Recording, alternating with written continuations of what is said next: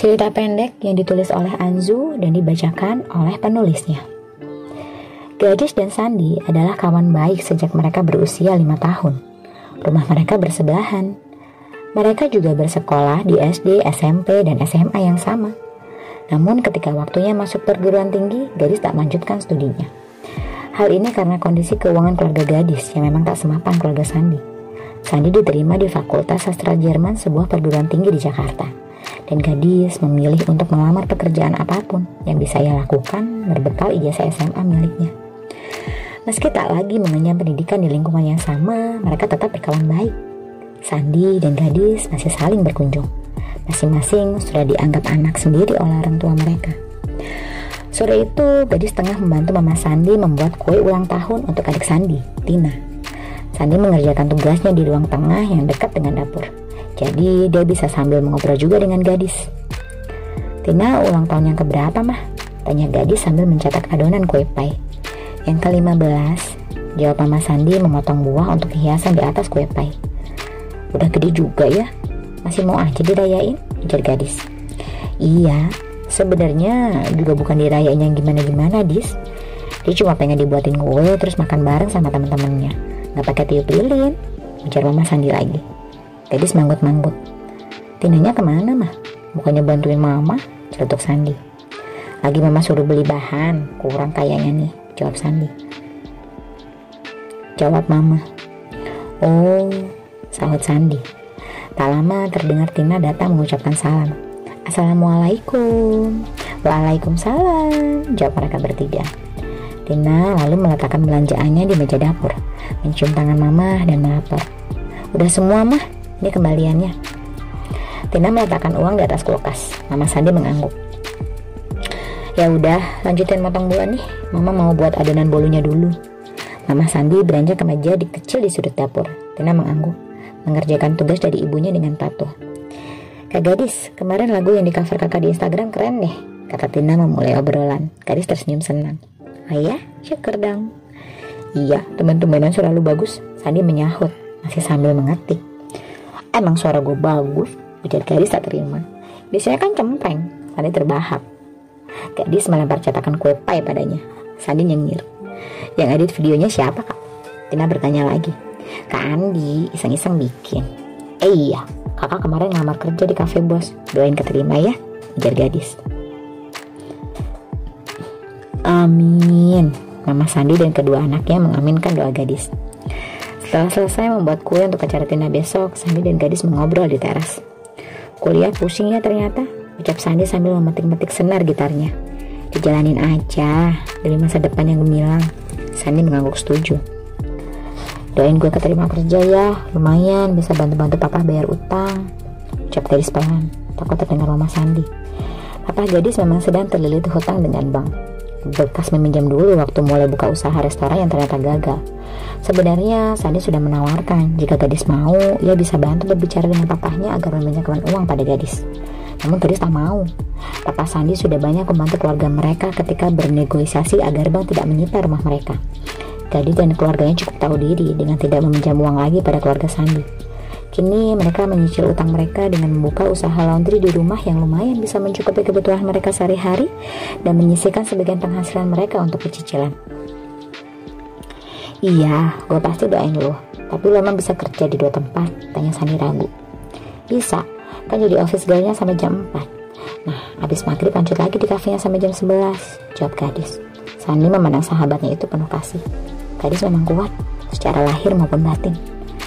Kalau nggak yakin jangan dikerjain ya. Gue nggak mau lo sakit. Uang bisa dicari lagi, tapi kesehatan mahal. Sandi mengingatkan. Gadis mengangguk. Iya, gue tahu kok. Nyanyi yuk. Sandi membetulkan letak gitarnya. Lagu kebangsaan kita aja. Selanjutnya membuat gadis tertawa. Lalu mereka memulai rutinitas harian malam mereka sebelum mereka berpisah.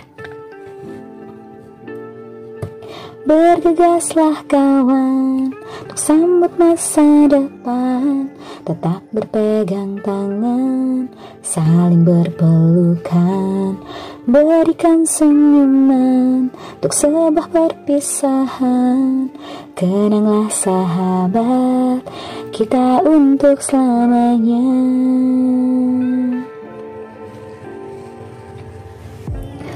Alhamdulillah, aku diterima San. Pesan singkat dari gadis di APK hijau yang dikirim untuk Sandi membuat cowok itu tersenyum bangga. Ia membalasnya. Alhamdulillah, tapi ingat ya pesan gue semalam. Iya, makasih doanya San.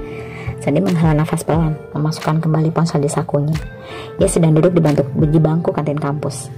Kelas berikutnya dimulai setengah jam lagi. Sandi memilih duduk di sini sembari membaca buku. Masih tersenyum untuk gadis. Sebuah pukulan kecil di bahunya mengejutkan Sandi. Mia.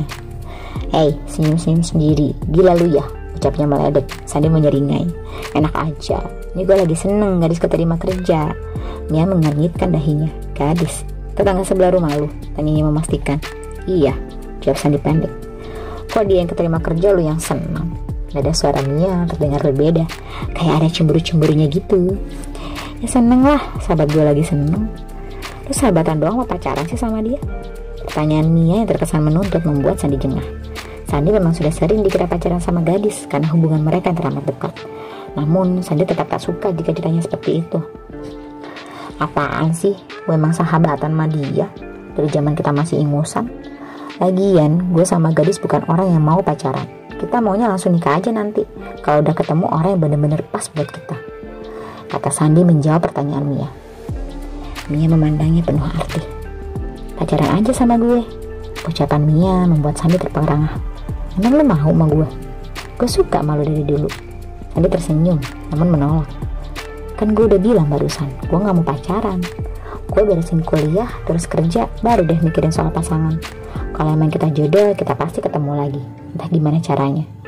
Sekarang kita berteman baik aja dulu ya. Jawaban Sandi yang bijak membuat Mia makin menyukainya. Oke, Mia menyetujui. Dalam hati ia berdoa, berharap semoga memang Sandilah jodohnya. Sandi sedang berfoto bersama teman-temannya setelah selesai acara wisuda kelulusannya. Tampak mama, papa, Tina, dan gadis menemani Sandi di acara besarnya ini. Gadis senang Sandi bisa selesai kuliah tepat waktu. Ia sendiri tengah menunggu gelombang berikutnya pendaftaran kuliah kelas karyawan. Setelah cicilan hutang papa selesai 6 bulan yang lalu, gadis akhirnya bisa mengumpulkan uang untuk biaya studinya. Ia kini hanya bekerja di satu tempat saja, sebagai staf gudang di sebuah pabrik susu. Dis, sini foto sama gue. Sandi menarik tangannya, mengajak berfoto. Lalu dengan satu tangan merangkul pundak gadis. Sandi mengambil foto dengan sahabatnya itu. Tampak Mia menghampiri mereka. Hai Sandi, sapa Mia. Gadis tersenyum padanya. Mia lalu mengeluarkan tangan. Gadis menerimanya. Aku Mia, kamu gadis kan? Gadis heran Mia bisa tahu namanya. Gadis selalu mengangguk. Kok tahu? Tadi sering cerita soal kamu. Mudah-mudahan bukan cerita jelek ya. Gadis bergurau. Mia tertawa mendengarnya. Dalam hati, gadis bertanya, kenapa Sandi malah tidak pernah menceritakan soal Mia? Enggak lah, gak ada yang jelek soal gadis. Paling doyan makan doang, mas suara cempreng. Apaan sih? Gadis mencubit lengannya. Sandi meringis. Mereka bertiga lalu berbincang bersama, mengangkatkan diri.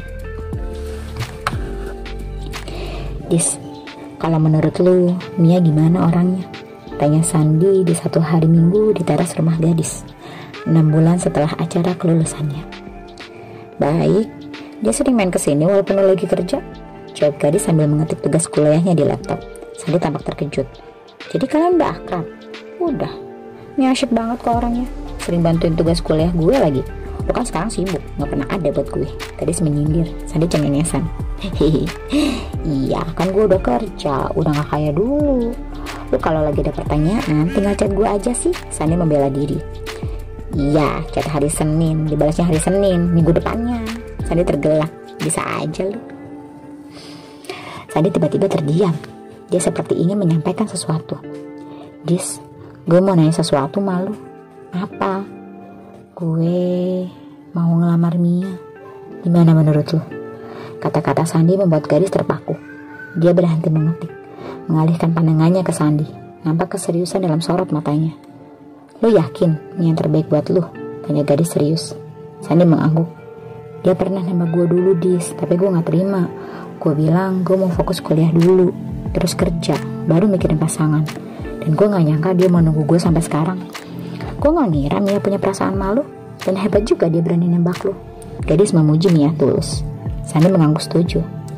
Dan dia bisa deket sama mama, sama Tina, dan bahkan sama lu sahabat gue. Gue rasa dengan saling istikharah minta petunjuk sama Allah, apa keputusan gue udah bener ya. Gadis mengangguk mantap. Iya, bener San. Gue doain yang terbaik buat lu ya. Gue bahagia kalau lu udah menemukan pendamping lu. Gadis berkata lagi sambil menatap Sandi penuh makna. Sandi tersenyum lebar. Sudah lengkap rasanya. Ada mama, papa, Tina, gadis, dan sebentar lagi Mia. Acara akad pernikahan Mia dan Sandi baru saja selesai digelar. Semua yang hadir menangis haru karena rasa bahagia yang tak terkira. Mama dan Papa Sandi tak berhenti tersenyum, bersyukur mendapatkan menantu sebaik Mia. Keluarga gadis yang turut membantu setiap detail acara ini juga tampak berbahagia. Ekspresi bahagia gadis saat memeluk Mia membuat Sandi semakin yakin ia tak salah memilih pasangan. Allah benar-benar memberikan yang terbaik. Nyanyi dong, pinta Sandi mencolek gadis yang tengah memainkan bunga di hiasan pelaminan mereka. Mia menoleh pada gadis. Gadis bisa nyanyi? Bisa, suara dia oke kok, walaupun cempreng dikit. Sandi bercanda, gadis menyeringai. Nyanyi apa? Garis garis balik bertanya. Ya, yang ngewakilin perasaan lo aja sekarang, yang cocok sama cara gue. Jawab Sandi. Mia mengangguk setuju. Yang ngewakilin perasaan gue ya. Gadis bergumam sendiri. Ia lalu beranjak menuju panggung kecil tempat band pengisi acara berada. Lalu membisikkan sesuatu ke pemain musik. Gadis mengambil mikrofon, mengucap pembukaan singkat sebelum memulai bernyanyi. Lagu ini buat Sandy. Semoga bisa mewakili perasaan gue buat nikahan lo. Hadirin bertepuk tangan. Sandi tersenyum lebar. Namun senyum di wajah Sandi perlahan memudar saat gadis mulai bernyanyi. Dan senyumnya benar-benar lenyap saat gadis mulai menitikkan air mata di bagian refren. Ini aku, kau genggam hatiku, simpan di dalam lubuk hatimu tak tersisa untuk diriku. Habis semua rasa di dada Selamat tinggal. Kisah tak berujung Kini ku kan berhenti berharap. Berpisahan Kali ini untukku akan menjadi kisah sedih yang tak berujung.